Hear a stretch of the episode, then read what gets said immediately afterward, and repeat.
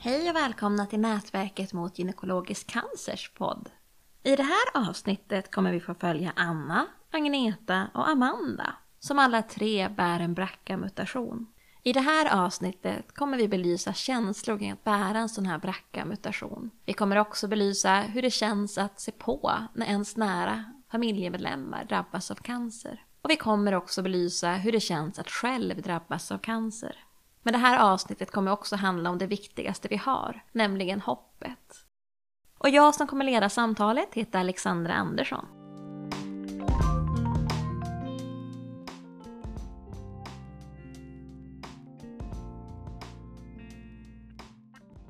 Först ska vi få följa Anna. Anna är 43 år och bor på västkusten med sin make och deras tre barn.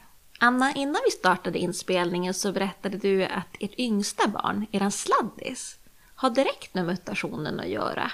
Hur kommer det sig? Det är för att när det var dags och eh, jag var i 40-årsåldern och det var dags att eh, som ta något beslut om äggstockar, om man skulle operera bort dem eller inte.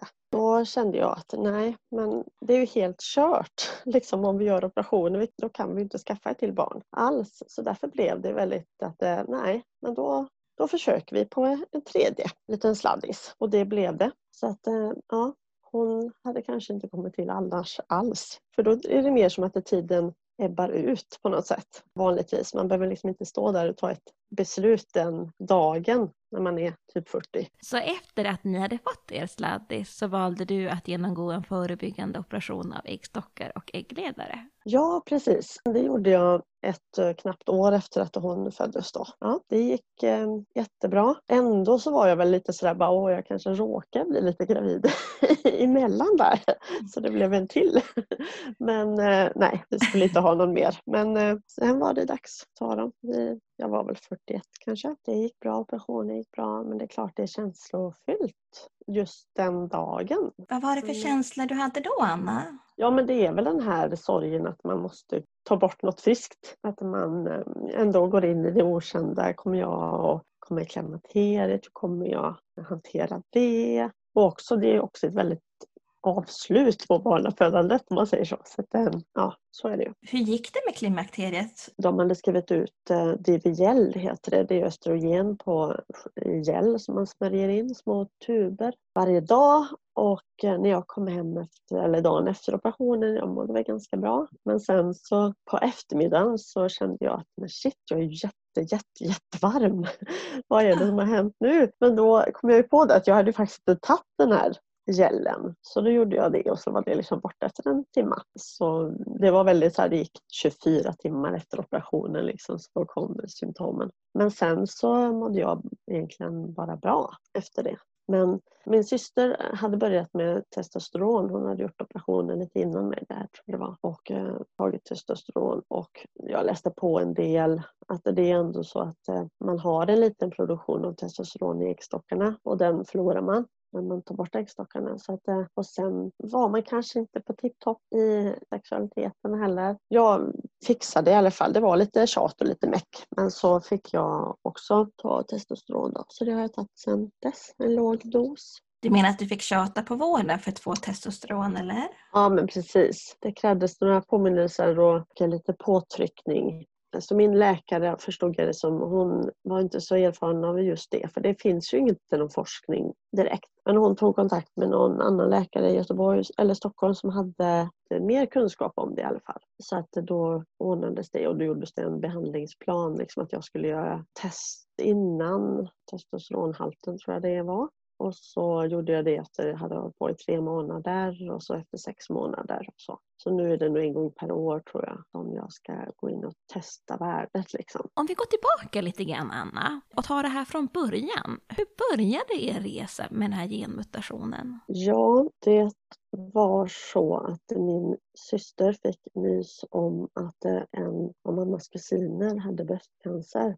Och de hade testat sig för eh, BRCA då och hade det. Och då kom det till vår kännedom. Och det var precis, jag fick reda på det ett, ett halvår efter min, eh, mitt mellanbarn då. Jag var väl 31 kanske, något sånt. Och då testades jag och jag hade BRCA2 och Mm. min syster hade också det. Det var ju en eh, chock, det är mycket tårar men samtidigt en, en jättestor lättnad i det också. Att man liksom har det och då vet man det och då kan man hantera det. Vår mamma hon fick bröstcancer när hon var 34 år och när hon var 44 så dog hon. Och då var jag 19, min syster var 16. Man måste ju ha någon, någon släkting som har bröstcancer tror jag för att testa sig. Man kan liksom inte bara testa hur som helst. Men det var ju på grund av den här kusinen då till mamma som vi kunde bo, testa oss då. Det var väl ungefär ett år som jag eh, liksom processade detta och då var det så att jag ammade också under en del av den här tiden. Men eh, eh, ungefär ett år tog det fram till beslutet. Och jag pratade ganska mycket med eh, en sån här eh, sjuksköterska på, ja, vad kan det vara för avdelning då? Onkologen kanske. Det är jättestort stöd. Hur kände du att de stöttade dig, Anna? Dels svara på alla frågor man har om operation och hur det är och gråta ut hos och ja, jag vet inte, bara som en... Alltså man är ju väldigt ensam i det för att det, finns liksom, det är ju ens egna kropp det handlar om. Men jag kom fram till att det var ju självklart ändå att eh, göra en mastektomi och med eh, direkt eh, konstruktion eller ja, ta bort brösten helt enkelt och sätta in påfyllningsbara expanders och därefter göra en mindre operation till och byta ut till eh, ja, permanenta silikonimplantat. Hur tycker du att den processen har gått att ta bort brösten? Några veckor innan jag gjorde det så började jag skriva en blogg. Så jag tänker det här var en stor grej för mig och ett sätt då som att skriva en dagbok liksom, över det hela och liksom reda ut tankarna lite. Så det var ju bra. Sen så kom ju, eh, jag fick väl ett litet bryt eller ska man säga, ett litet, en liten krasch typ två veckor innan operationen och blev sjukskriven sista två veckorna. Det var ju ändå som att vara med om någon typ av kris liksom. Sen själva operationen, det är bra. Jag hade väl inga, det blev inte infekterat eller någonting sånt men det, var, det är ju en väldigt smärtsam operation. Mm. Eller det var det för mig för att det, jag förstår också på Facebookgruppen vi är med om att eh, kvinnorna upplever det här väldigt, väldigt olika. Men jag hade väldigt ont i alla fall och det är någon typ av kris det med liksom att hantera det. Men det var väl först de första två veckorna som var kämpigast. Och sen så återgick ju och säga, livet till det normala igen efter några veckor igen, mer eller mindre. Kanske två, tre månader så kände jag mig kanske återställd liksom mentalt på något sätt också. För det är klart att mycket tankar handlar ju om brösten på något sätt under den här tiden i Mm. livet och, eh, och också eller man får processa det man varit med om i barndomen och ungdomsåren och bröstcancer och mamma och sånt där. Ja, en stor grej och det är tio år sedan. Jag har inte ångrat en enda gång efteråt. Ja, det är nog som du säger, även om det är en otroligt jobbig operation så ångrar man sig nog sällan. Men jag tänkte, påverkades din kroppsbild något av dina operationer? Eh, Ja, man får ju se det, det positiva i det hela också. Eh, Min plastikkirurg han fixade en väldigt snygg klyfta. Eh, Så att det, var ju ett, ett väldigt, det var ju väldigt trevligt att gå och köpa bikini sen. Det såg ju fantastiskt ut. Så att, ja, med bh på så att säga så är, är ju tuttarna jättesnygga. Sen så är det ju två stora ärr tvärs över. De ser inte naturliga ut för fem öre liksom. Jag har väl tänkt några gånger att det är väldigt skönt att jag ändå är gift. Det hade kanske känts jobbigare om man hade varit singel med den biten. När jag gjorde operationen så var det på Sahlgrenska och då tog man alltid bort bröstvårtorna. Och eh, det gör man inte längre. Och det är ju en väldigt stor fördel tror jag för, för tjejerna, kvinnorna idag som gör operationen. För det är klart att det är lättare att få det till att bli ens, egna, ens egen kroppsdel om ändå bröstvårta och vårtgård är kvar. Liksom. Ja, det utvecklas ju hela tiden. Anna, hur har din make tagit det här med att du bär genmutationen? Ja, han är ju väldigt lugn och sansad. Så att han har ju liksom inte varit rädd för att jag skulle få cancer. Han är inte så mycket för att oroa sig för saker i, i förväg. Nej, men han har ju bara funnits där som ett stöd på något sätt. Men, men samtidigt så är man ju ensam i att liksom skända sin kropp. Att leva med, med liksom tankar kring liv och död. Och, för han har det inte varit någon stor grej så att jag har gjort operationen eller så. Här. Dina barn, har vet de om att du bär den här mutationen eller vilken information har du gett till dem? Jag har ju en dotter som nu är hon 15. Men det här har ju varit med sen, ja herregud, sen hon var fem då. Ja. Eh, det är bara en vanlig del av vårt liv. Det är liksom ingen, ingen stor grej. Utan när vi berör det, hon har frågat någon gång, kommer jag ha det här? Och, ja, så säger jag bara att ja, men det är mycket möjligt. Men du behöver inte göra något åt det förrän du är i alla fall 30 år. Och det är 15 år kvar tills dess. Utvecklingen kommer att gå framåt. Det är liksom inte någon, ingen biggie. Utan man kan ha i åtanke att det, ja, men det här är bara en liten del av livet. Det var ett jättefint sätt att informera tydligt och ändå avskräckande på något sätt. Du berättar ju att det är mycket tankar kring liv och död. Har de här tankarna präglat ditt liv på något annat sätt? Till exempel att du har gjort något annat livsval? Ja men det var väl, alltså från början när vi träffades så var jag väl 25 och jag eh, ville ju inte vänta för länge med barn. Då hade jag ganska mycket tankar kring det. Jag vill att barnen ska hinna bli tillräckligt gamla innan jag dör. Så det, visst har det påverkat mig. Det har aldrig varit frågan om att jag ska vänta till jag blir liksom 38 med att få första barnet. Så. Min mamma dog ju när hon var 44. Förstod du där undermedvetet någonstans att du kanske skulle ha gått samma väg till möte som inte du hade kollat upp den här mutationen? Ja men absolut. Helt klart. Den, det hade jag mycket tunna tankar innan. Så, och, så på sätt och vis så var ju att få den här genmutationen som det var ju positivt på det sättet. Även om det har mycket negativt med sig att man ändå måste liksom ta sådana här avgörande beslut, vilket har varit svårt naturligtvis. Men det har också varit en, då vet man vem motståndaren är på något sätt.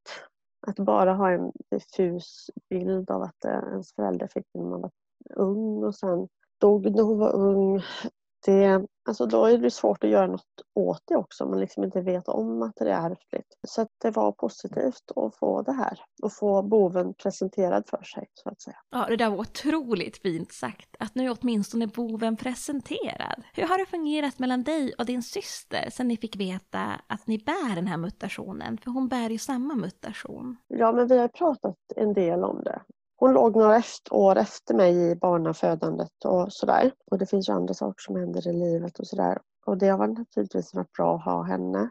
Men samtidigt så är det ens egen dödlighet man brottas med.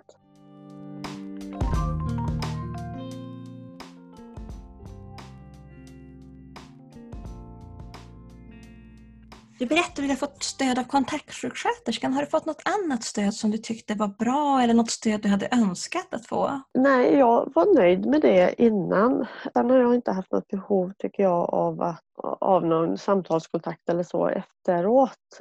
Det har liksom inte behövts på det sättet. Sen har jag gått i terapi i perioder av mitt liv och, och det var när jag var yngre med angående mamma och sådana saker. Då, kan man säga. Men nej, jag har väl tyckt att jag erbjudits det jag velat ha. Och hade jag haft behov av ytterligare samtalskontakt så hade jag ju pratat med någon kurator på, på min vårdcentral. Du gick ju på kontroller innan du valde att genomgå förebyggande åtgärder. Hur upplevde du kontrollerna? Ja men bara positivt jag kommer inte ihåg exakt vilket år det var som jag började med att göra bröstkontroller. Men det kan nog ha varit någonstans när jag var 28-29 år kanske. Och då gjorde jag det en... Jag, jag gick till vårdcentralen och de eh, remitterade mig vidare för att jag skulle genomgå sådana här bröstkontroller två gånger per år. Och det var liksom bara att göra och det har inte liksom påverkat mig något speciellt. Det är som en extra säkerhetsåtgärd bara.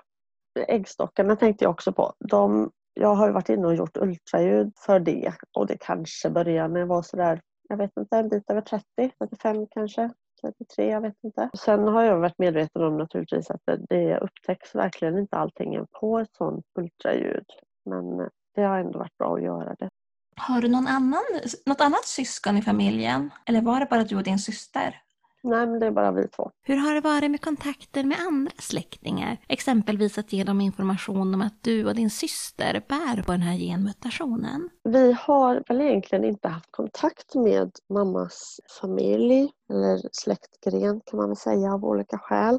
Men när jag och min syster fick den här eh, BRCA2, då skrev vi ett brev till min mammas syskon och uppmuntrade dem till att testa sig också för att Mm. liksom informera dem om det. Fick ni bra stöttning från eh, ärftlighetsmottagningen när det kom till information om närstående och så? Det har, det har vi inte tänkt på, liksom, att de skulle vara någon del av det. Du har ju berättat om det här eh, att, det här, att veta det, att du vet liksom vem din motståndare är. Finns det något annat som du har känt har varit positivt i den här resan? Nej, men det fanns en grupp på Facebook, eller det finns det, som heter BRCA Sverige som en, eh, en tjej hade startat ett par år innan jag hittade den sajten. Sen blev det så att då blev jag också en av administratörerna. Så att jag, hon och en tredje kvinna håller igång den Facebookgruppen. Och ja, jag tror att det känns ju såklart bra att den stöttningen finns till kvinnor runt om i Sverige och de har mycket frågor och vi hjälps åt allihop att svara och kvinnorna delar liksom sina erfarenheter med varandra och det är en god stämning i gruppen. En stöttande stämning och att eh, man lyfter fram goda exempel på, på sjukvården och hur det fungerar. Så det är klart att det känns ju bra att vara en del av det, lite mitt i det. Och sen har jag också en, ja, startat en hemsida, brcainfo.se, som är till för att stötta kvinnor också. Jag har samlat in lite bilder och sådär på hur bröst ser ut efter operationen och sådär. Det vi är några stycken som presenterar vår resa igenom det hela. Så, ja, som en liten samlingssida. Sådär. Och så berättar du om den här stöttande och fina Facebookgruppen. Vem får gå med i den? Den får man gå med i när man har fått diagnosen BRCA. Och bara den som har diagnosen är med. Ibland får vi frågor ja, från liksom syskon eller föräldrar eller, ja, eller barn eller sådär. Men eh, vi håller oss till eh, de som har diagnosen. Men alla som har diagnosen. Hur många medlemmar har ni i dagsläget ungefär? Du, det var en himla bra fråga det. Kan det vara mellan så här 300 kanske? Ja, det är en ganska stor grupp. Ja, det är det. Eftersom alla som är med är berörda. Liksom. Det är många som ja, verkligen går med och hjälper till att svara och, och sådär. Så en aktiv, ja 329 medlemmar ser jag här. Är det någonting annat du känner att det här vill jag skicka med till den som lyssnar? Kanske att eh, alltså, tiden går. När det är tufft där i början och man gråter mycket och tänker och så, så kan man ha det i åtanke att det här är bara en liten del av mitt liv. Det kommer att gå över sen.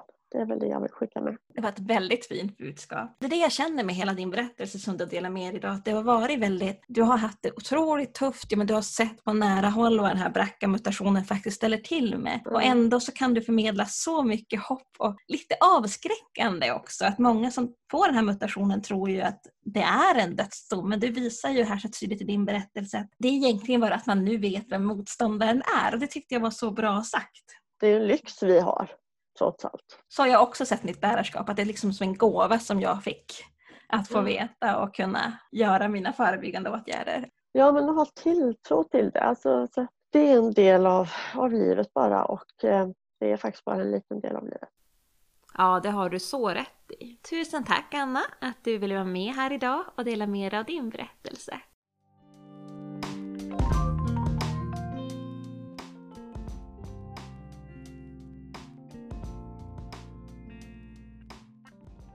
Nu ska ni få träffa Agneta. Agneta är 42 år och även hon bor på västkusten. Hon är sambo och har tre barn. Hon älskar att träffa människor och att vara kreativ.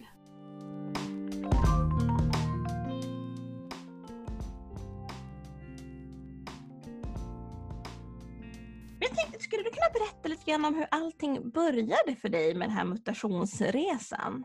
Vår resa, för jag kallar det för familjens resa, uppdagades när min faster blev sjuk i cancer. Och detta var 2003. Då hittade de en tumör i hennes bröst. Det som vi har, vårt bagage, det är att eh, min farmor, då min fasters mamma blir det också, min, min pappas mamma, fick cancer när hon var ung och eh, dog ifrån sin familj. Så att pappa och hans syskon är ju uppvuxna utan mamma. Och det har verkligen speglat deras uppväxt något enormt och vår som familj och det har alltid funnits en, eh, en sorg och en saknad efter vår farmor. Så när, när min faster blev sjuk så blev eh, hela familjen så ledsna. Det var där allting egentligen startade. För året efter så insjuknade hon även i äggstockscancer. Och då var det läkarna som sa att det här är alldeles för stor sannolikhet att Alltså det är inte, inte ett normalt sjukdomsförlopp så att eh, vi skulle gärna vilja gentesta dig. Och så också då med tanke på hennes mamma.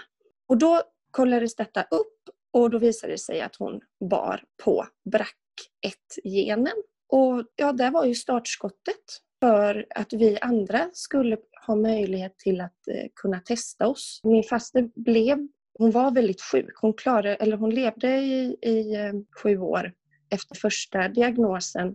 Men min pappa och hans bror valde att vi väntar. När min faster gick bort, då bestämde sig min pappa och hans bror att nu är vi redo att testa oss. Så då testade de sig. Min farbror bär inte genen så hans familj är säker. Men min pappa bar genen. Och då finns jag som eh, arvinge då och så har jag även två bröder. Min ena bror hade inga barn vid denna tiden och min andra bror har en flicka och en pojke. Och jag själv hade ju då två barn, en flicka och en pojke. Så när vi fick det beskedet så åkte vi eh, tre syskon och pratade med, vi tillhör Salgrenska. Åkte dit och hade samtal och jag valde att testa mig och mina bröder valde att inte testa sig med reko rekommendation från sjukhuset att barnen är så små, det här är inte aktuellt förrän kanske tidigast 20-25 år. Ni behöver inte veta om ni bär genen eller inte. Men i mitt fall som då var, ja, jag var ju runt 35, så var det rätt läge att testa sig. Och när jag fick beskedet, då var jag faktiskt gravid med vårt tredje barn. Och det är så svårt att säga om man, är, om man visste om det, men ja, mm. jag hade väl en känsla sådär att ja, jag har det nog. Det är 50-50. Och jag har genen. Jättejobbigt och jätteledsamt. För mig så är cancer lika med död. För att jag har förlorat min faster, jag har förlorat min farmor och nu har jag samma. Så att det här kommer ju, det här kommer ju inte sluta väl. Och då hade jag ju inte något cancerbesked utan shit, vad, vad kommer hända nu? Men då började ju sen eh, alla undersökningar. Så att varje år så har jag varit på, ja, första året var jag på fem undersökningar. Sen så trappade de ner till fyra och då gör jag mammografi och ultraljud. Och sen har jag MR och sen har jag vaginalt ultraljud på äggstockarna med ungefär ett halvår emellan de här grejerna. Och det kändes väldigt, väldigt tryggt och jag fick en jättefin kontakt med läkarna på Varbergs sjukhus och eh, även en eh, kuratorn på Salgrenska som jag hade kontakt med precis i början och även gyn. Så att jag kände att man blev omhändertagen. Jag var under lupp vi läste på och man fick mer kunskap vad genen innebar och då ändrade jag min uppfattning istället att det här är ju någonting som är bra att vi vet. Det här är ju det säkraste vi som är genbärare kan det, det, är ju vetskapen om att vi har genen så vi kan undersöka oss och göra saker i förebyggande syfte. Sen efter fem år så hittade de på en mammografi så hittade de då en förändring i ena bröstet. Och då sa de att det, vi får se, än så länge är det så litet. Vi får avvakta, kom tillbaka om tre månader. Och de tre månaderna så försöker man slå ifrån att det är någonting. Jag är ju, hade ju inte fyllt 40 än. Det är alldeles för tidigt. Det, mina släktingar var ju 45. Men eh, vid julen 17 så fick jag besked att jag hade fått bröstcancer i mitt högra bröst. Det var en tomhet och en eh, förtvivlan såklart. Men också som vändes väldigt, väldigt fort kände jag. För eh, otroligt förtroende till min läkare att eh, det här, alltså mitt sjukdomsförlopp eh, och hur det skulle gå tillväga. Att nu blir det en operation och sen så blir det cellgifter och sen blir det en operation till och sen är du fri detta. Och så gör vi förebyggande bröstoperation och så tar vi bort äggstockar. Och han berättade till och med liksom nästan datum. Men så här kommer det gå till och det här kommer gå bra och du har ingen spridning. Utan allt vi gör nu efter operationen när tumören är borta, det görs för säkerhets skull och i förebyggande så att de inte har missat något. Hängslen och livrem, pratar mycket om det. Och då, ja, då blev det en... Alltså jag har ju känt otroligt mycket sorg, oro, rädsla. Men halva jag har också känt att det här kommer gå bra. Jag behöver inte vara så rädd för att jag litar på det de säger. Men ovissheten innan man vet vad de har hittat och innan operationer är ju fruktansvärt. När man inte kan ta på det. Nu har jag ju lite distans. Och det blev precis så som han sa. Och det tycker jag är fantastiskt. De vet vad de pratar om. Man var väldigt ja, i trygga händer. Så nu har du genomgått cancerbehandling och tagit bort båda brösten i förebyggande syfte då? Eller det bröst som inte var drabbat då? Och äggstockarna? Ja. ja, när jag blev sjuk så tog de det högra bröstet direkt. För då var det så här, men ska vi inte ta en tårtbit och stråla? Nej, nej, nej, du har genen, då tar vi bröstet på en gång. Och jag hade ju också eh, börjat förlika mig med att jo, men någon gång i framtiden så kommer jag behöva ta bort mina bröst och äggstockar. Eh, min äggstocksoperation var inplanerad för vi var nöjda och färdiga med våra barn och inte fler. Jag ska säga faktiskt att två år innan detta så klippte jag mina äggledare för att då kan man ha kvar sina äggstockar eh, förhoppningsvis några år längre. Och så då i samrådan med min gynekolog så bestämde vi att ja, men då ska vi ta bort äggstockarna. Men då hamnar jag ju i cancersvängen istället. Sex dagar efter mitt eh, besked så låg jag på operationsbordet och tog bort mitt bröst. Och sen eh, dryga månaden efter det, ja, en och en halv, så började jag med mina cellgifter. Cytostatikabehandling i fyra och en halv månad med allt vad det innebar. Och sen eh, var jag klar i mitten av sommaren med dem och i och med att jag inte hade något, kvar, något bröst kvar så, så blev det ingen strålning för min del. Jag hade ingen hormonell cancer så jag behöver inte äta någon medicin eller någon efterbehandling i den bemärkelsen. Och så på hösten 18 så tog jag bort mina äggstockar och då hamnade jag ju rakt ner i klimakteriet. Hej och hå! Och lite cancerblues och ja, det var en tuff höst. Hur kändes den tuff? Var det symptomen för klimakteriet som var jobbigt för dig? Jätte jättemycket klimakteriebesvär. Och det kom ju som en eh, käftsmäll. Det gick ju från, alltså, från en timme till den andra. Jag hade läst på och fått väldigt mycket vetskap om att, att man kunde komma i klimakteriet under sin, eh, sina cell, eller cellgiftsbehandlingen. Men det, jag hamnade inte där, hade inte så stora problem av de, de problemen. Men när jag hamnade i klimakteriet, det var hemskt med vallningar och sömnbesvär. Hamnade i en depression eller i en enorm svacka. Men sen vet jag inte vad som var vad heller. Var det just den här cancerbluesen som man säger, var det en, eh, en bidragande orsak? Var operationen en bidragande? Allt bagage, vad som kunde ha hänt? Vad kommer hända i framtiden? Ja, mycket psykiska besvär och tankar och sen hade jag ju eller har ont i mina leder, muskelvärk, jobbigt med slemhinnor, både ner till och upp till. Kände du att du fått något stöd i de här klimakteriebesvären och den här svackan som du fick? Jag fick möjlighet att åka på ett rehabvecka nere på Lydiagården i Hör.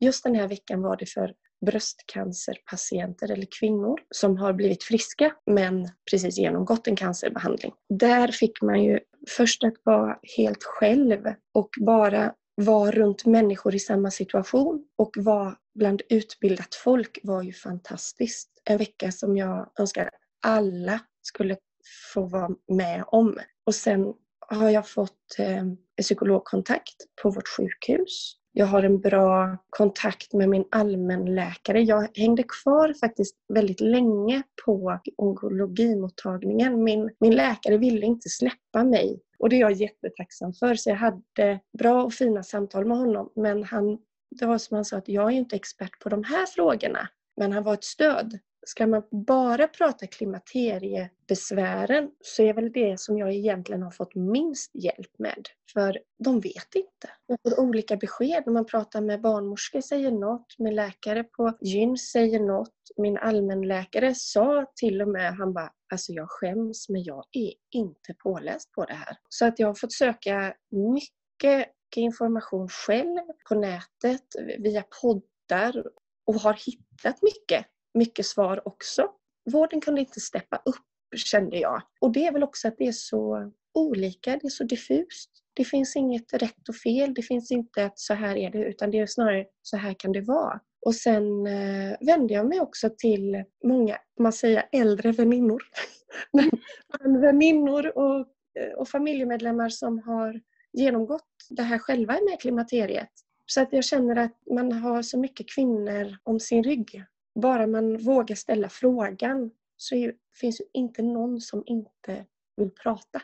Och man kan eh, hitta hjälp själv, eh, alltså genom, genom varandra. Liksom. Jag har också haft möjlighet att gå på en eh, kurs för genbärare på Salgrenska. Vi var åtta kvinnor. Alla bar BRCA-genen. Fyra av oss hade hunnit att insjukna i cancer och olika stadier på det. Men vi var alla var friska där och då. Och fyra av kvinnorna har inte blivit sjuka. Men någon hade då startat sin resa, precis fått reda på det och någon hade hunnit operera sig i förebyggande. Och då hade vi ett samtal med en eh, kurator eller psykolog då, plus ett, samtal, ett privat samtalsstöd som eh, också bar genen och gjorde sin operation för eh, hade gjort sin operation för över tio år sedan. Och det var också väldigt bra. Den yngsta av tjejerna var 27 den äldsta 72. Så vi hade jättefina samtal och det var vi som styrde vad vi ville prata om. Så att har man genen, och det finns även sådana här samtalsgrupper för anhöriga,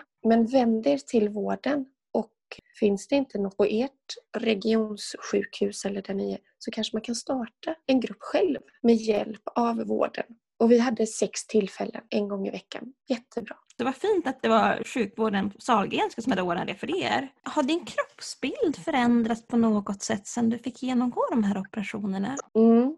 Först när jag blev sjuk så känner man sådär att ja, men hår, det är väl ingen fara att tappa håret. Ja, men gå bara med ett bröst, det är väl ingen fara. Det är ju bara ett bröst. Men omgivningen tycker ju att förlora bröst är, måste ju vara jättesvårt. Det tyckte inte jag. För att mitt bröst var sjukt. De gör mig sjuka.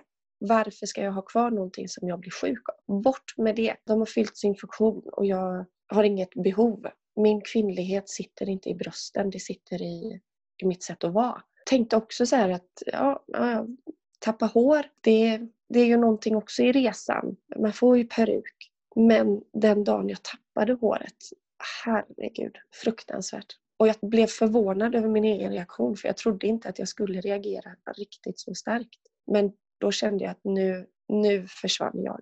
Och jag är ju fortfarande jag, men då kände jag ju inte igen mig själv. Och ju längre tid under cellgifterna och man la på sig både vikt och, och massa vätska och folk inte kände igen en och man hade inget hår. Och, ja. Där och då så lever man i det och då blir, då blir det ens vardag även om det var konstigt att se sig i spegeln. Ser jag på de bilderna idag, jag och min man satt och tittade på de här faktiskt bara för någon vecka sedan, då började vi gråta båda två. Då bröt vi ihop.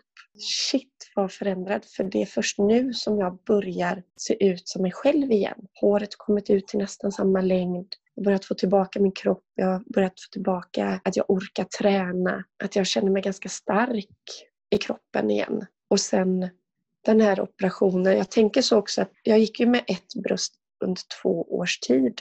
Och min lilla flicka, hon var ju väldigt så och skulle kramas och gossas med. Hon skulle även på den sidan jag inte hade bröst, kunde hon ligga och klappa. Liksom. Det var ju hennes sätt att visa att du är min mamma ändå. Liksom. Du väcker ändå ja.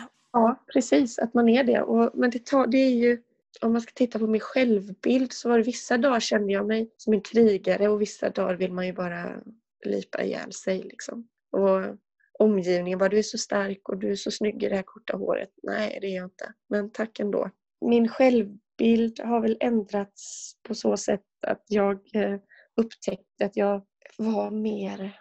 Jag trodde att, att jag kanske var starkare. Att det bara var hår. Att det bara var bröst. Och sen när man inte har det, då var det faktiskt en väldigt stor sak.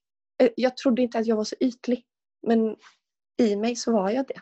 Det har varit min största kamp när det gäller kroppen. Att jag vill inte vara ytlig, men jag var det.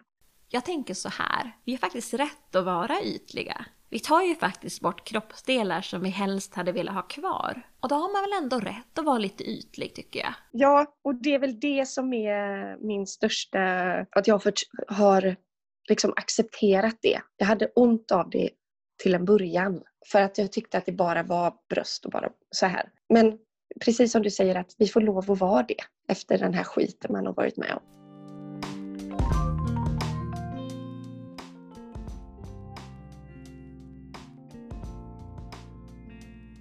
Jag tänker, dina bröder var ju, har ju inte testat sig, eller har de testat sig sen? Nej, de har valt att välja. Nu har eh, även då min lillebror fått en liten dotter, men hon är ju bara ett år. Och eh, via rekommendationerna mm. från Sahlgrenska så håller de faktiskt på sig. Det, det, är, det är så enkelt att säga. För, för mig är det så här, och klart ni ska gå och testa er. Ni måste testa er.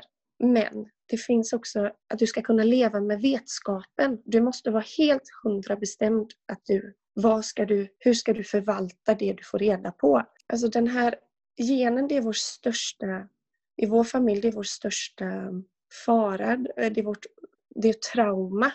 Men att få vetskapen om det, det är också vår största lycka för vi har möjlighet till att få vara friska. Men mina bröder har valt att inte testa sig än. Och jag, har, jag är äldst av mina flickkusiner på min pappas sida. Så min faster har eh, fyra flickor varav två har genen också. Och de är ju 10-12 år yngre än mig. Så vi har haft också mycket samtal om detta att leva med en cancergen. Och att man får för, alltså vi har vänt det till något positivt. Så det är inte positivt att bära genen. Det är klart, hade jag önskat så hade vi klart vi inte haft den här. Men vi kan inte göra någonting åt det och då får vi tänka det bästa av det. Och det är att vi vet om att vi har den. Det är alltid kunskapen som kan rädda liv, så är det ju. Ja. Och jag tänker, hur tog dina bröder att du bar genen? Vi har inte pratat så mycket om det just. För det var liksom, ja men de väntar, jag bär den, jag är under undersökning. Jag tror jag bar väldigt mycket av det själv. Pratade inte så mycket om det. Vi hade inte kanske jättemycket kunskap. Och det man går väl lite i att, ja men det händer inte oss. Även om jag kände att det kunde hända mig så tror jag kanske inte min familj kände att det kunde hända oss. Ändå, även om det är så nära. Däremot min pappa tycker ju att det är jättejobbigt. Och det är ju inte konstigt när man har både förlorat sin mamma och sin syster. Och sen så får, han, får man reda på att man har... Han har inte givit mig genen men jag har, fått, jag har ärvt den av honom. Så att mina föräldrar, det... Nu blir jag lite rörd.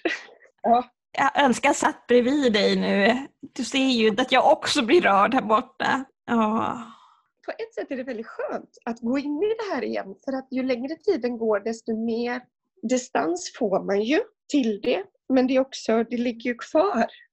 Så att jag mm. känner att det är bra att det får blomma upp lite emellanåt. Och sen också att när känslorna kan ändras på vägen. Liksom, att nu är det, det är så otroligt mycket kärlek i det också. Absolut. Min största support, det är ju min pappa. Och har varit med på han kör och hämtar och är med under. Som sällskap sa vi. C-E-L-L-skap. Kör ner till Malmö och ja, och eh, de har varit fantastiska. Det låter som ett väldigt bra stöd av dina föräldrar. Trots ja. allt det tragiska de känner att de har fört över det här till dig. Och... Ja, men precis. Och att vi kan vara, kan vara så ärliga mot varandra och öppna och ja, och har varit jätte, jätte jätteskönt mm. att ha dem. Och eh, när, när jag blev sjuk, alltså mina bröder är ju fantastiska och deras familjer. Och jag har jättemånga fina runt. Familjen, vänner, arbetskompisar. Alltså det är ett otroligt skyddsnät som har varit eh, ovärderligt och min egen familj såklart. Det blir lite som ett jobb. Man ska ta sig igenom det. Sen hur man kommer ut på andra sidan, det, är, det vet man ju inte. Hur har din man tagit beskedet att du bär den här mutationen? Ja, det har ju också varit med. För mina två äldsta barn har jag en annan man. Och där pratade vi ju aldrig, vi visste ju inte om det här då. Så att skaffa barn, det var ju en önskan och en längtan. Och sen eh, träffade jag ju min nuvarande sambo. Och eh, vi önskade också barn. Och eh, det var ju faktiskt när jag var gravid med vårt gemensamma som jag fick reda på genen. Innan dess har inte, vi har aldrig pratat om det, vi visste inte. Så att vi har ju inte behövt tänka i de termerna. Måste vi skaffa barn? Ska vi göra det nu? Vill vi skaffa barn? Det har jag ju hört vissa som har sagt att vågar jag skaffa barn som har genen? Tänk om jag har genen till mina barn? De frågeställningarna har vi aldrig haft. För jag visste ju inte om att jag bar genen.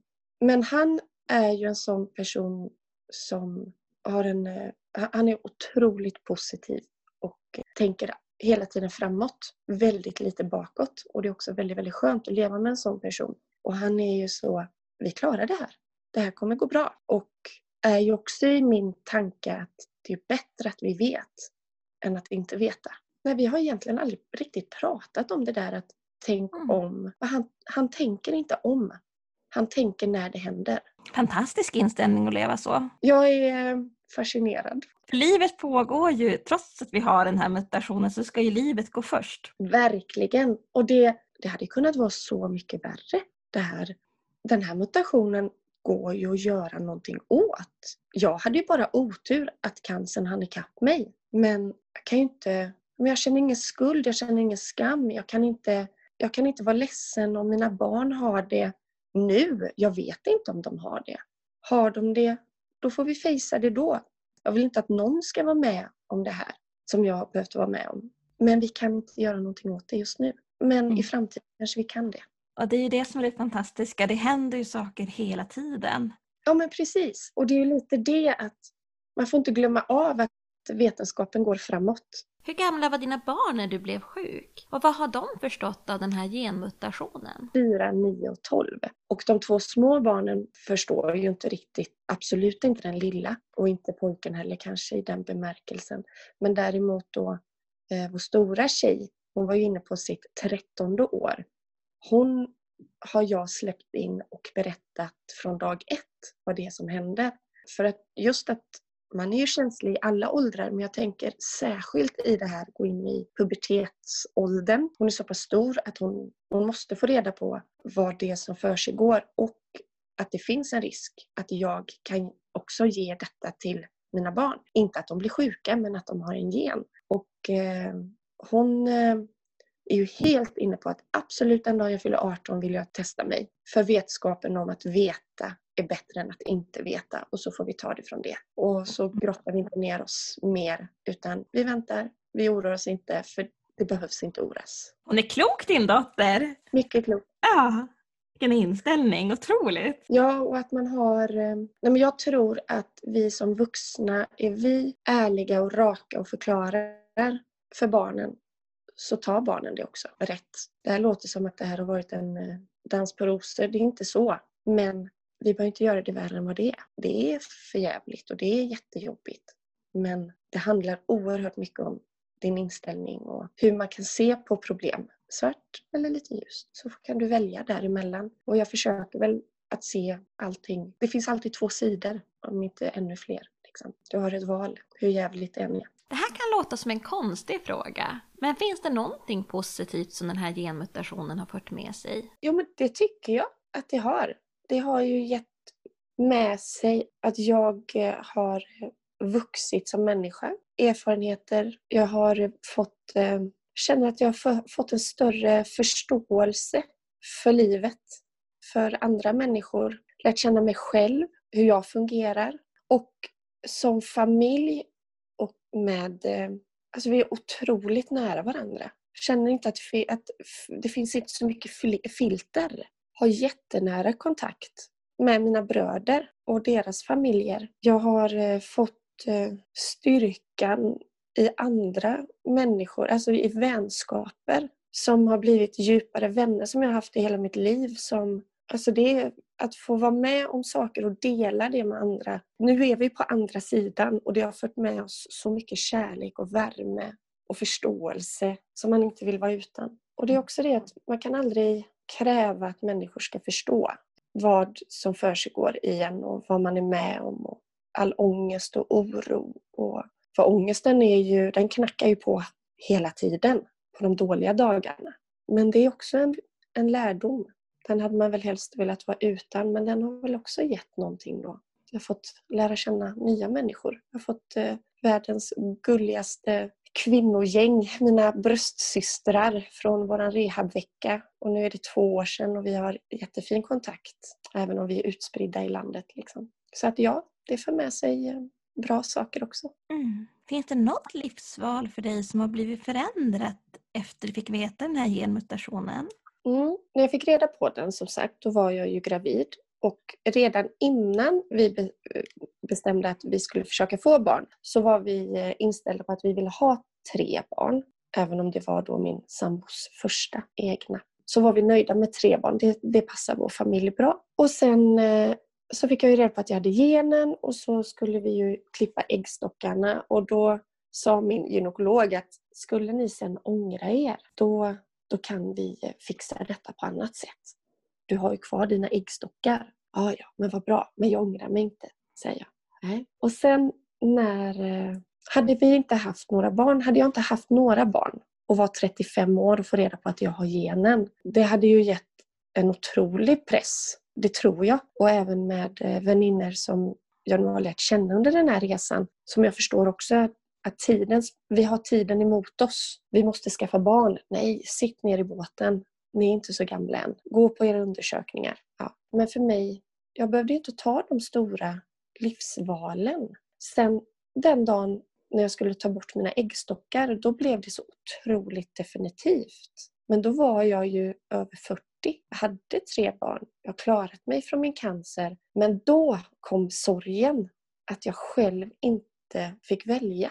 Och det, det var inte jag beredd på. För jag trodde att jag var verkligen klar och redo och bestämd i mitt beslut. Men efter den operationen så var det definitivt, nu kan inte jag få vara med om det här miraklet att få ett barn till. Även om jag egentligen hade bestämt mig för flera år sedan, eller vi, så kom den stora frågan. Alltså det stora kom då. Shit, nu är det kört. Och det här att man inte... Det är väl det som är så jobbigt när det är blir på något sätt... Det är ju inte jag som väljer. Det är ju det är en mutation som väljer. Det är sjukvården som väljer. Det är inte jag personligen som väljer. Sen hade jag ju inte valt något annat för jag vågade inte chansa. Och jag, vi ska inte ha fler barn. Alltså just det där att inte få ta beslutet själv, det var jobbigt. Och det tror jag som sagt inte att du är ensam om att känna. Nej, nej det tror jag alla känner. Ja, absolut. Jag tänker, de som lyssnar här, är det någonting du vill skicka med till dem? Ja, om ni som lyssnar eh, inte bär genen och får reda på att någon är i familj eller omgivning, var frågvis. Har ni någon nära? Läs på. Prata, var inte rädd för att prata för att den som bär genen, i alla fall för mig, det är bra att prata. Det är viktigt att få ur sig alla, alla sina känslor. Så att eh, var, var frågvis och var nyfiken och kanske läs på om du har någon i din närhet som bär genen. Ni som bär genen, var inte rädd. Det kan inte som sagt göra någonting åt det i dagsläget mer än att gå på e-, era behandlingar, vara rädd om er, ta kontakt med vården och se det som att det är räddningen. Att veta att man har genen och inte som den största sorgen. Min bror sa till mig under min cancerresa, vet du hur man äter upp en elefant? Nej, en bit i taget. Det tar jag med mig, det tänker jag på ofta. Det var väldigt starkt. Och det var jättefina budskap som du delade med dig av. Tusen tack Agneta för att du ville dela med dig av din berättelse.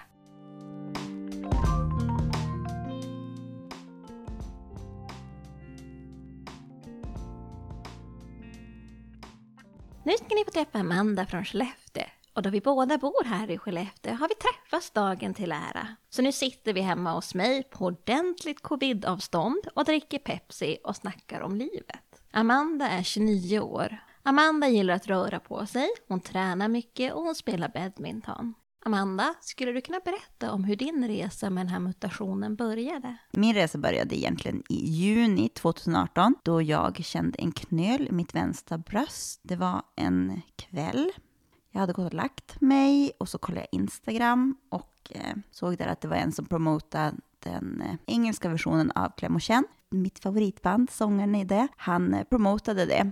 Så ja, men jag kände väl liksom uppmuntra att det promotas. Så jag kände och då kände jag en knöl. Jag blev som aldrig rädd, eller man fick ju en klump i magen, men jag blev som inte rädd för att för mig var cancer, som jag tänkte på cancer då, var ju att det var genetiskt. Att hade man inte i släkten, då kunde man som inte ha cancer. Alltså det var, som, det var bara genetiskt att ha cancer. Så, så jag var som aldrig orolig för att det var ingen i min släkt som hade cancer.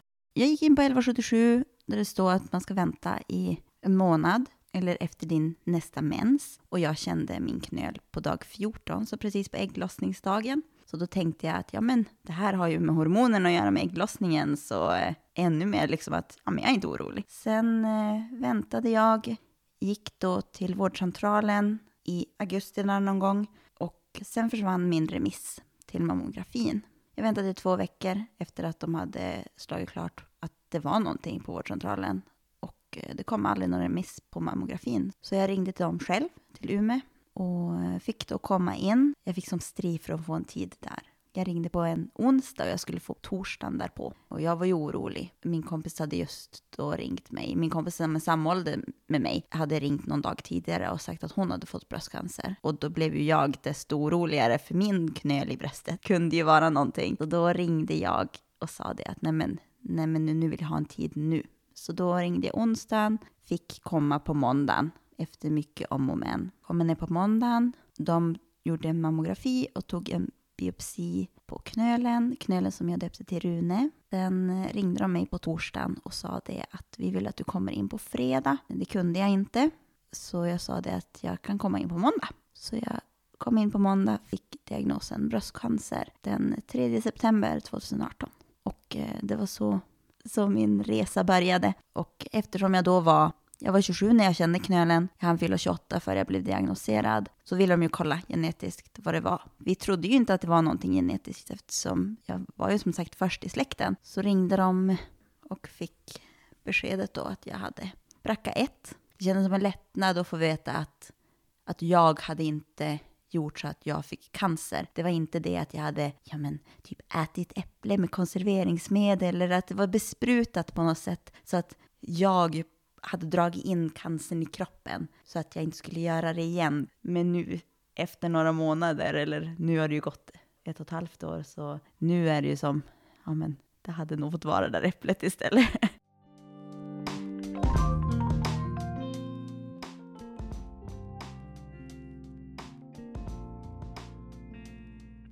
Ja, det där är lite grann av dubbelmoralens värld. Dels det här med lättnaden över att man inte orsakade cancern. Men sen också som du säger, att den här genmutationen kommer ju följa med dig resten av ditt liv och påverka dig. Och du berättade massor av spännande saker här. Och jag vill först och främst stanna till lite grann. Du berättade ju att din knöl hade du döpt till Rune. Hur kom det sig? Nej, men han kändes som en Rune. Jag kände som direkt att eh, min knöl han var Rune. Han var väldigt fin. Jag har fått ultraljudsbilderna på den. Och jag såg han också på ultraljudet och jag låg där och man såg väldigt tydligt att det var någonting. Men eh, jag var, jag var ändå säker på att jag inte hade cancer. det, jag tänkte att ja, men det är någon vätskefylld, någonting. Och så när jag då blev kallad, liksom, eh, då de ringde på torsdagen och sa det, vi vill att du kommer fredagen. Och jag kunde inte komma fredag, men jag kommer på måndag. Så sa de det, vi var väldigt tydliga då de ringde torsdag att du får inte komma ensam. Det sa de liksom varje gång som vi försökte boka in en tid att ja, men du får inte komma ensam. Men eh, jag tänkte det säger de åt alla. Jag var så naiv. Jag var så så här skyddslappar på. Jag kunde inte ha cancer, det var ingen annan som hade cancer. Den 3 september fick jag veta att jag hade cancer. 3 september 2018 och den 6 september 2018 låg jag på operationsbordet här i Skellefteå och och eh, gjorde en mastektomi på vänster sida utan rekonstruktion. Så jag gick och var platt på vänster sida genom min behandling och ett år efter det. Mm. Och vad var det för behandling du fick då? Eh, jag fick cellgift. Jag hade väldigt tur i att jag kände min knöl själv. Jag kände den väldigt tidigt ändå. Den hade inte hunnit sprida sig. Den eh, låg dock väldigt centrerad. Många får ju den ut mot armhålan-aktigt, men min låg som ganska centrerad mer inåt kroppen från bröstvårtan sett. Så då tyckte de att de skulle ta hela bröstet. Men jag hade väldigt tur. Jag var en stadie 1, riktigt på gränsen till en stadie 2. Så jag hade tur. I och med det så fick jag då sex doser cellgift och håret föll. Jag visste ju att det skulle falla. Så jag hade som ställt in mig på det. Jag tyckte det var mer traumatiskt. Jag har alltid haft långt hår i livet. Alltid axlarna och ner. Då jag fick beskedet efter att jag hade opererat mig, då klippte jag bort mina lockar och klippte en kort frisyr. Och det, det tyckte jag var jobbigt, för då såg inte jag ut som mig själv. Då, då föll det tårar. Men sen då håret föll, då var det liksom, ja men nu är vi ett steg på vägen typ. Så efter cellgifterna var du färdigbehandlad? Jo, alltså i och med att de opererade mig direkt och eh, fick ut allting. Det var som ingenting kvar. Man får ju räkna mig som cancerfri från tre år efter sista behandlingsdag. Men tekniskt sett så var jag utan cancer efter operation. Så jag lite inofficiellt räknar mig själv från operationsdagen. För mig kom min treårsdag att komma mycket tidigare. Men jag firar ju allt sånt där. Jag firar ju då jag opererade mig, jag firar ju då jag fick beskedet och jag firar ju min sista cellgift och allt för att äta kaka. Men det är rätt inställning. Man ska fira.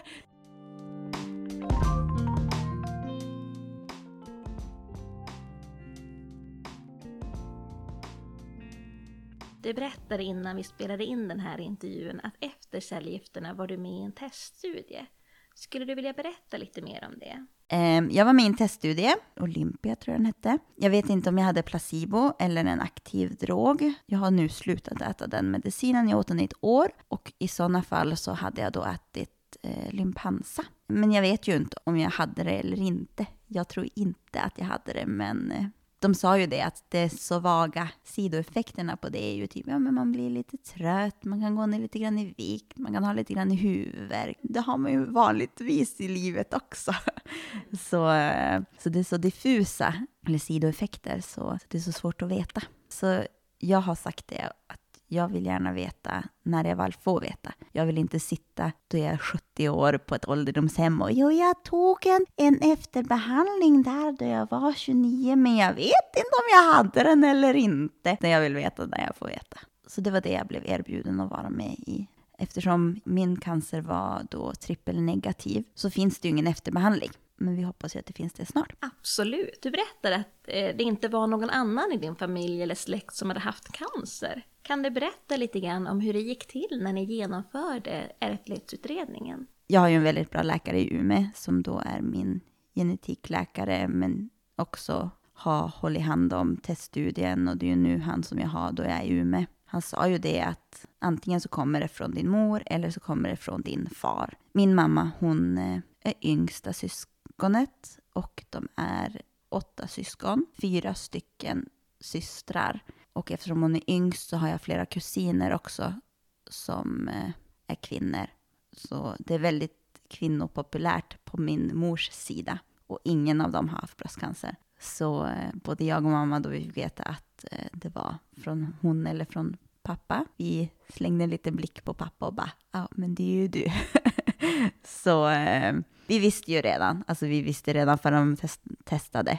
Pappa har bröder han har flera, flera, flera bröder och de har typ inga kvinnor på sin sida. Vi fick veta också att det var från pappas sida. Och då jag sen, för det ligger ju på var och en att ringa runt och liksom informera släkten att nu har vi bracka ett i släkten.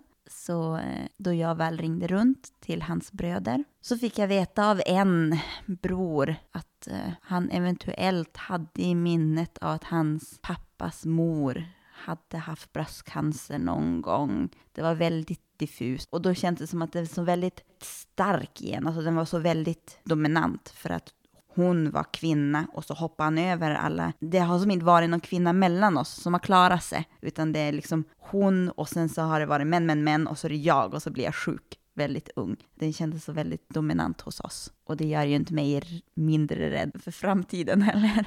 Jag skulle vilja stanna upp lite grann här. Du berättade att innan ni hade fått beskedet hade ni redan börjat misstänka att det kom från din pappas släkt. Hur tog dina föräldrar vetskapen om din BRCA-mutation? Min far och jag har väl inte pratat väldigt ingående om det. Han är en väldigt återhållsam man. så eh, han har som hållit sig undan och pratat om det och vi har som inte riktigt haft ett samtal om det. Men eh, jag har ju som egentligen genom hela min cancerresa så har ju inte jag varit ledsen eller liksom upprörd och jag grät ju aldrig för beskedet jag fick utan jag tog som allt med en klackspark och jag har skämtat mycket om det och jag driver fortfarande mycket om cancer. Det har väl underlättat. Vi har ju inte fått en sämre relation av att jag på något sätt har anklagat honom för att han har gett mig cancer. Det var ingenting han kunde veta. Men jag är väldigt noga och jag är väldigt, väldigt strikt med att genen stannar hos mig. Jag vill inte ge den vidare. Helst inte då jag är den, som vi vet nu, den enda kvinnan i vår släkt som har bracka. Hur tänker du att det ska gå till? Det finns ju PGD, det har de pratat om, att det är ett alternativ för mig. I och med det att jag var så ung då jag fick min cancer, att förmodligen skulle mina barn också drabbas väldigt ung. Jag kände väldigt otäckt, som att om jag skulle bli gravid på vanligt sätt nu och liksom vanligtvis så skulle jag ha en oro hela tiden i mig. Har mitt barn genen? Och gå och önska att barnet jag har i magen är en pojke. Bara för att då vet jag att den är säker. Även om den skulle ha genen så är den liksom säker. Jag skulle inte vilja sätta mitt barn i den situationen. Jag skulle inte vilja sätta mig själv i den situationen heller. Och måste leva med en oro och så inte heller få kolla barnet då det kom ut. Utan det är ju dens beslut. Den är ju en individ. Jag har bestämt det att nej, jag vill inte. Jag vill inte ha barn normalt. För det skulle, det skulle inte funka för mig. Har du fått bra stöd i den diskussionen? Jo, men jag har en bra läkare här i stan som är väldigt duktig med det här eh, fertilitetsfrågan. Och hon har även sagt liksom, ja men jag träffade henne väldigt nyligen och då hade jag några frågor för, ja men inne på Bracka Facebookgruppen så var det folk som liksom, ja men vi har blivit nekade och vi bor här och vi har blivit nekade och vi bor här. Och då ställde jag frågorna till henne och bara, ja men de här har blivit nekade, har jag ställt in mig på någonting som inte kommer hända? Så, men eh, hon sa det att hon hade skickat remisser ner för folk i min situation och eh, ja, förhoppningsvis så då är det ett alternativ då jag väl får gå igenom det. Jag blir ju inte friskförklarad förrän februari 22, så det är ju då jag får börja gå in i den resan. Ja, då är jag ju över 30. Har du barnlängtan, Amanda? Hela mitt liv har jag levt väldigt hippieliv, kallar jag det. Jag har varit på konserter och jag har kampat ute för att komma längst fram och jag har liksom spontanrest. Bara så, ah, men nu har jag en veckas semester, jag vet inte vart jag ska, men jag bokar om då jag har tre dagar kvar för att jag ska fara typ. Så hela, hela livet har jag haft lite hippiekänsla. Men jag har, där då jag var 23, då bestämde jag mig. Då är jag 30, då ska jag försöka på barn.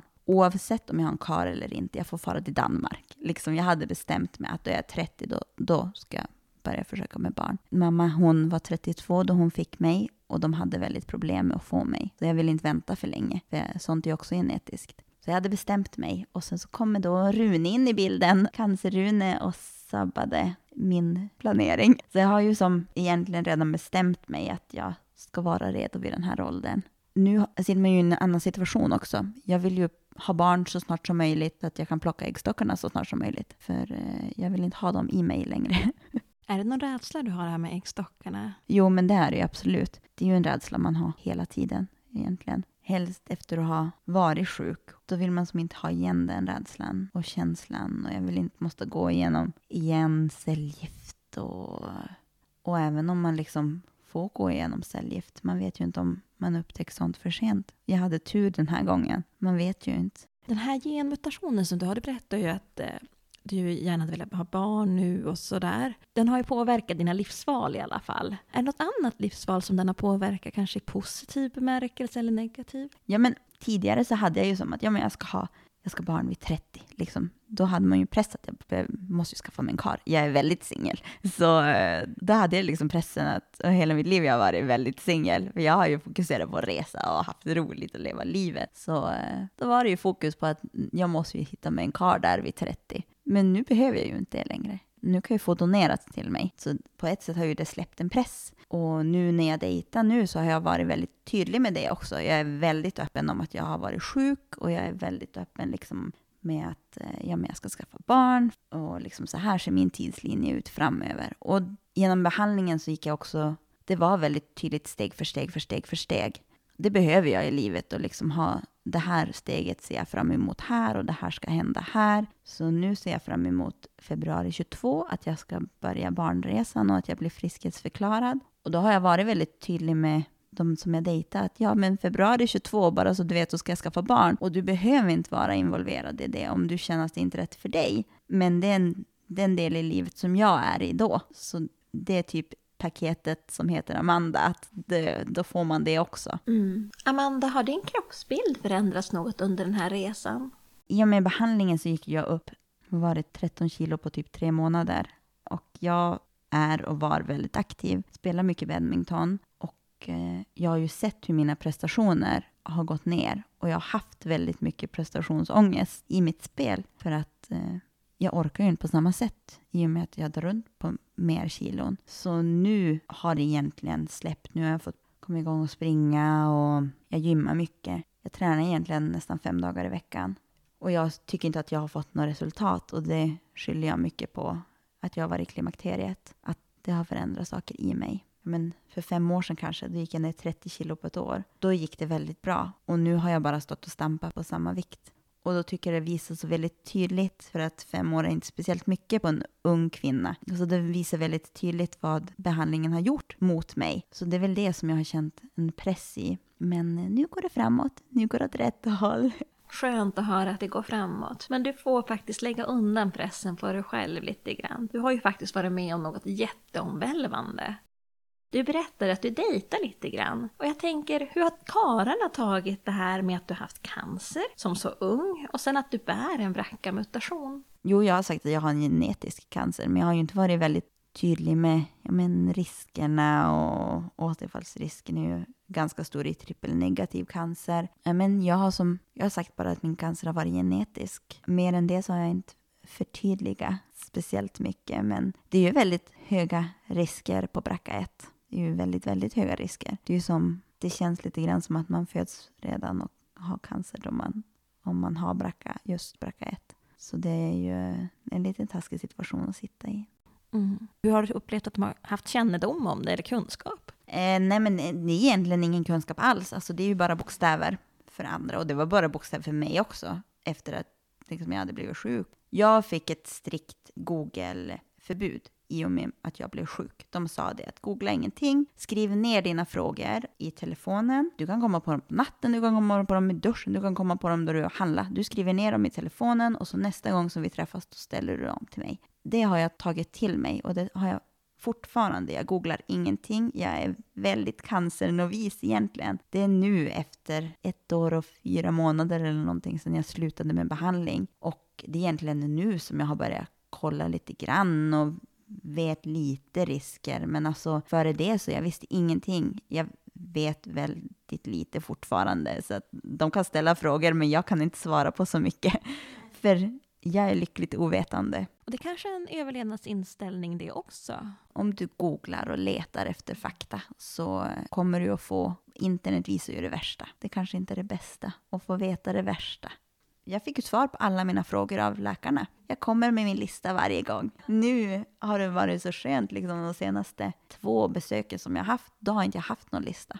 Utan då har det varit liksom att nu, nu är jag bara här och nu, ja men jag mår bra typ. Så skönt. Amanda, har du blivit erbjuden något samtalsstöd? Jag blev erbjuden ett samtalsstöd. Jag valde att inte ta det. Jag hade redan tidigare ett samtalsstöd via psykiatrin i Skellefteå. Det var hon som följde med mig och fick beskedet. Jag tog inte med min familj av något slag, utan jag visste att mamma skulle bli väldigt, väldigt ledsen.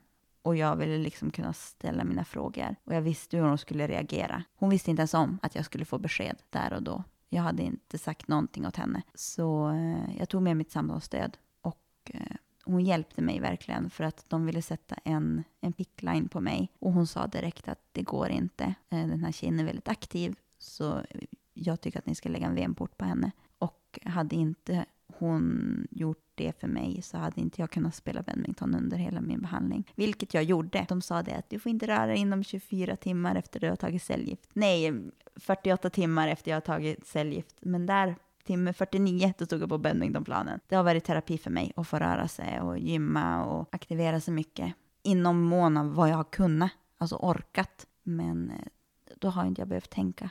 Så eh, jag tog med henne och Sen efter att jag hade fått beskedet då åkte vi till mammas jobb. Hon jobbar som förskollärare och de var ute med barnen på gården. Jag kom där med en kvinna som hon aldrig har träffat, för hon hade aldrig träffat mitt samtalsstöd. Och vi går till grinden och hon kom dit och jag bara skakar på huvudet och säger du ska nog gå hem nu. Och så åker vi hem, för då förstår hon att mm, hennes dotter har cancer.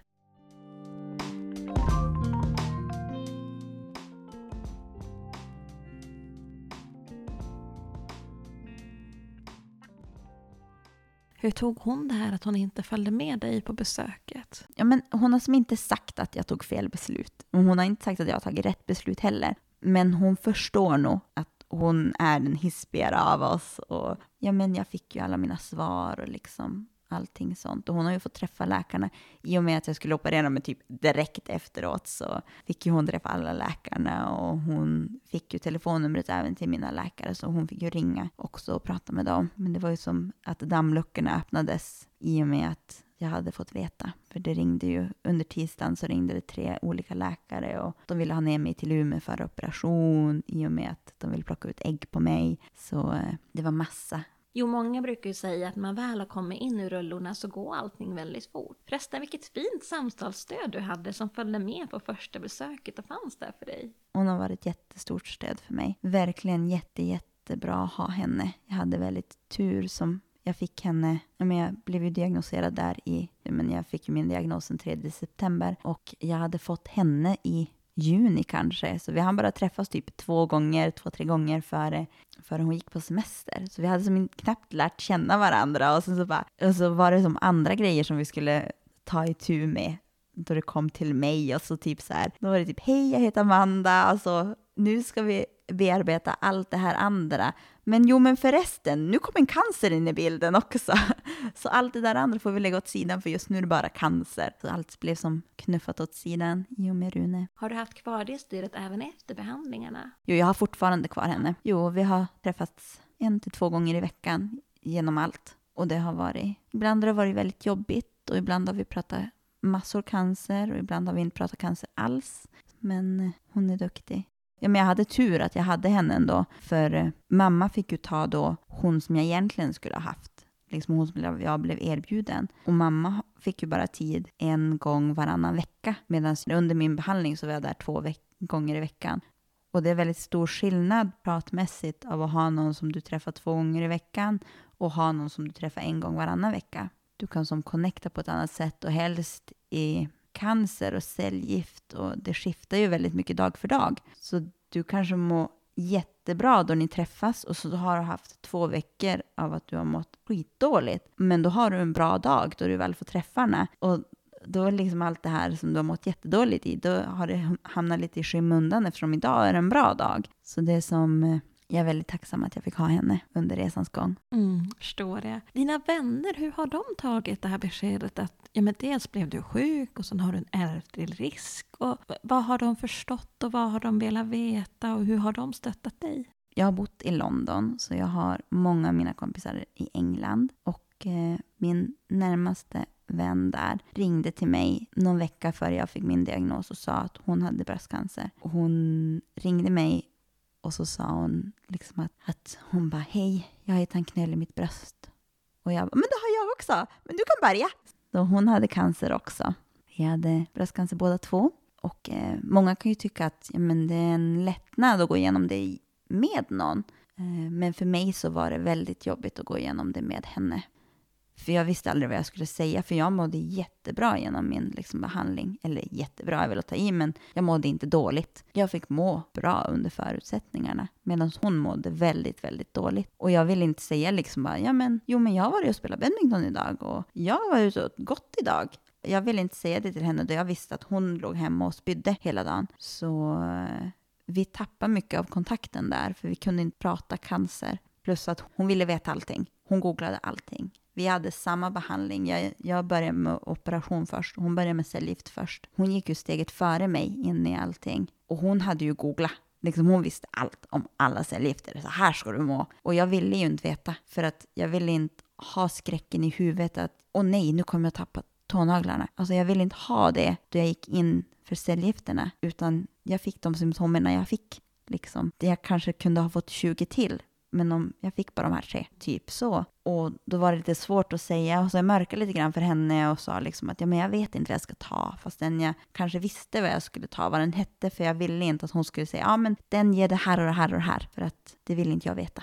Så det var svårt att vi, vi gick igenom samma resa men på väldigt olika sätt. Men nu i efterhand så har vi kunnat prata med varandra på ett annat sätt. Hur ser du på framtiden för dig? Ja, jag vill ju bara överleva egentligen. Alltså det blev ju som bara det. Alltså nu, nu är man ju i cancern. Alltså fast än jag inte är friskförklarad men är frisk. Det finns ju inga tecken av att jag har cancer i kroppen nu. Så tänker man ju ändå på cancer varje dag. Man drar ju ändå likheter till cancern eller så är det någonting som påminner en. Och jag brukar säga det att jag kan, jag kan gå och sparka in min tå i ett bordsben just nu. Och jag vet att jag sparkade in den i bordsbenet och det gör ont i tån för att jag sparkade in den i bordsbenet. Men min hjärna säger ändå direkt, du har ont i tån, det är cancer. Alltså du, du går direkt till cancer. Ja men varenda liten huvudvärk, varenda liten ont i kroppen på något sätt, det är ju cancer. Just nu så är det väl bara att försöka släppa den känslan. Men det är en väldigt svår känsla att släppa. Så det är väl det som jag hoppas för framtiden att kunna döva den smärtan. Att den trubbas av lite grann. Man är väl alltid orolig men att man kanske inte behöver tänka på cancer varje dag. För jag tror, har man varit sjuk så är det en, en rädsla man aldrig kan släppa. Tror inte jag heller. Det är väl bara min tanke att, att man har den där känslan, det är också man är så himla rädd om livet. Och det är därför man får den där känslan också ibland. Det hade kanske varit konstigt om man aldrig hade den. Men sen får den ju inte ta över för mycket. Nej, alltså man måste ju leva också. Men det är väldigt svårt att leva liv utan cancer om man har haft ett liv med cancer. Mm. Det är många som säger det, att det faktiskt är det svåraste när man har gått igenom cancern och är fri och livet ska återgå till det vanliga. Jag hade väldigt mycket problem med Försäkringskassan. Alltså de förstörde, min, min tidslinje var operation, plocka ut ägg, cellgift 1, 2, 3, 4, 5, 6. Och efter det då var, jag, då var mitt nästa steg bearbetning. Jag hann ta min sista dos och en månad efter min sista dos så tyckte Försäkringskassan att jag skulle jobba heltid igen. Eh, de tyckte inte att jag skulle... De tyckte att jag kunde bearbeta under arbetstid. Bearbeta att jag som 28-åring har haft cancer, en genetisk cancer och hela barnfrågan också. Allt sånt där vill jag ha mina egna barn. Så allt sånt skulle jag bearbeta medan jag jobbade heltid. Så jag har stritt väldigt mycket med dem och de snodde ju den delen av mig. Jag, egentligen ett halvår så pausade mitt liv på grund av Försäkringskassan. Och eh, all min bearbetning pausades också på grund av att jag kunde som inte bearbeta någonting på grund av att det var ju bara byråkrati. Men nu går det väl framåt. Det har varit väldigt jobbigt. Ja, det kan jag verkligen tänka mig. Att mitt i allt det andra också behöva oroa sig för sin ekonomi och sitt levebröd. Du berättade för mig tidigare att du hade fått stöd av Ung Cancer. Skulle du vilja berätta lite grann om det? Jo, men för mig har Ung Cancer hjälpt mig mycket. De har diverse stipendium som har hjälpt mig ekonomiskt och det är jag väldigt tacksam för. Så det är väl en liten till grej att om det är någon under 30, över 16 som drabbas eller har någon närstående som har blivit drabbad och söka sig till lungcancer. För de är väldigt duktiga. Och det är just min nästa fråga. Vad vill du skicka med till de som lyssnar? Ja, men vad ska man säga riktigt? Att inte googla hjälpte mig för att du får veta det negativa och vara lite lyckligt ovetande, det har hjälpt. Jag litar på mina läkare. Jag känner inte att jag behöver veta 17 olika sätt då de har bestämt att jag ska göra ett behandlingssätt. Jag litar på att de vet bäst. De har gått mycket mer i skolan än jag. och jag har haft bra läkare som jag har kunnat lita på också. Eh, och skriva ner allting, ta med alla frågorna till läkarna som man har. Det är väl som egentligen det. Och försöka vara positiv ändå. Alltså röra på sig, vara mycket aktiv. Om man blir drabbad och inte sluta. Det enda som skilde mig och min vän som gick igenom samma behandling. Vi hade samma doser, samma medicin. Och det enda som skilde oss emellan, och hon mådde så dåligt och jag mådde så bra, var att jag var väldigt aktiv både före och under behandling. Medan hon var inte aktiv. Hon var ute och gick ibland men inte aktiv på samma sätt som jag. Det uppmuntrar jag också, att man ska röra på sig så mycket man kan och så mycket som man orkar. För det hjälper verkligen illamående och, och må bra.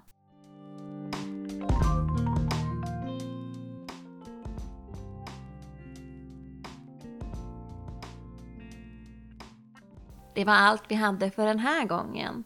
Och det hoppas vi att ni alla vill vara med i kampen mot gynekologisk cancer. För det är tillsammans som vi är starkast. Och jag måste bara säga tack än en gång till Anna, Agneta och Amanda för att ni ville dela med er av era resor. Det har varit stundvis väldigt jobbiga berättelser. Men samtidigt har ni varit så hoppfulla. I nästa avsnitt, som är det sista avsnittet i vår genetiksatsning, kommer ni få lyssna till min berättelse om hur jag tycker det är att leva med en ärftlig risk att drabbas av cancer. Missa inte det! Och tveka inte att ge mig eller hela föreningen feedback. Och det kan ni göra på mail och då är det info at gyncancer.se. Eller så kan ni kontakta oss på våra sociala medier. På Facebook heter vi Nätverket mot gynekologisk cancer och på Instagram heter vi gyncancer.se. Vill ni komma i direkt kontakt med mig? Kanske har du förslag på ett annat poddämne som du vill att vi tar upp? Ja, då finns jag också tillgänglig på mail och då är det alexandra.gyncancer.se. Då säger vi tack så länge och ni där ute, ta hand om er och var snälla mot er själva. Ha det så gott!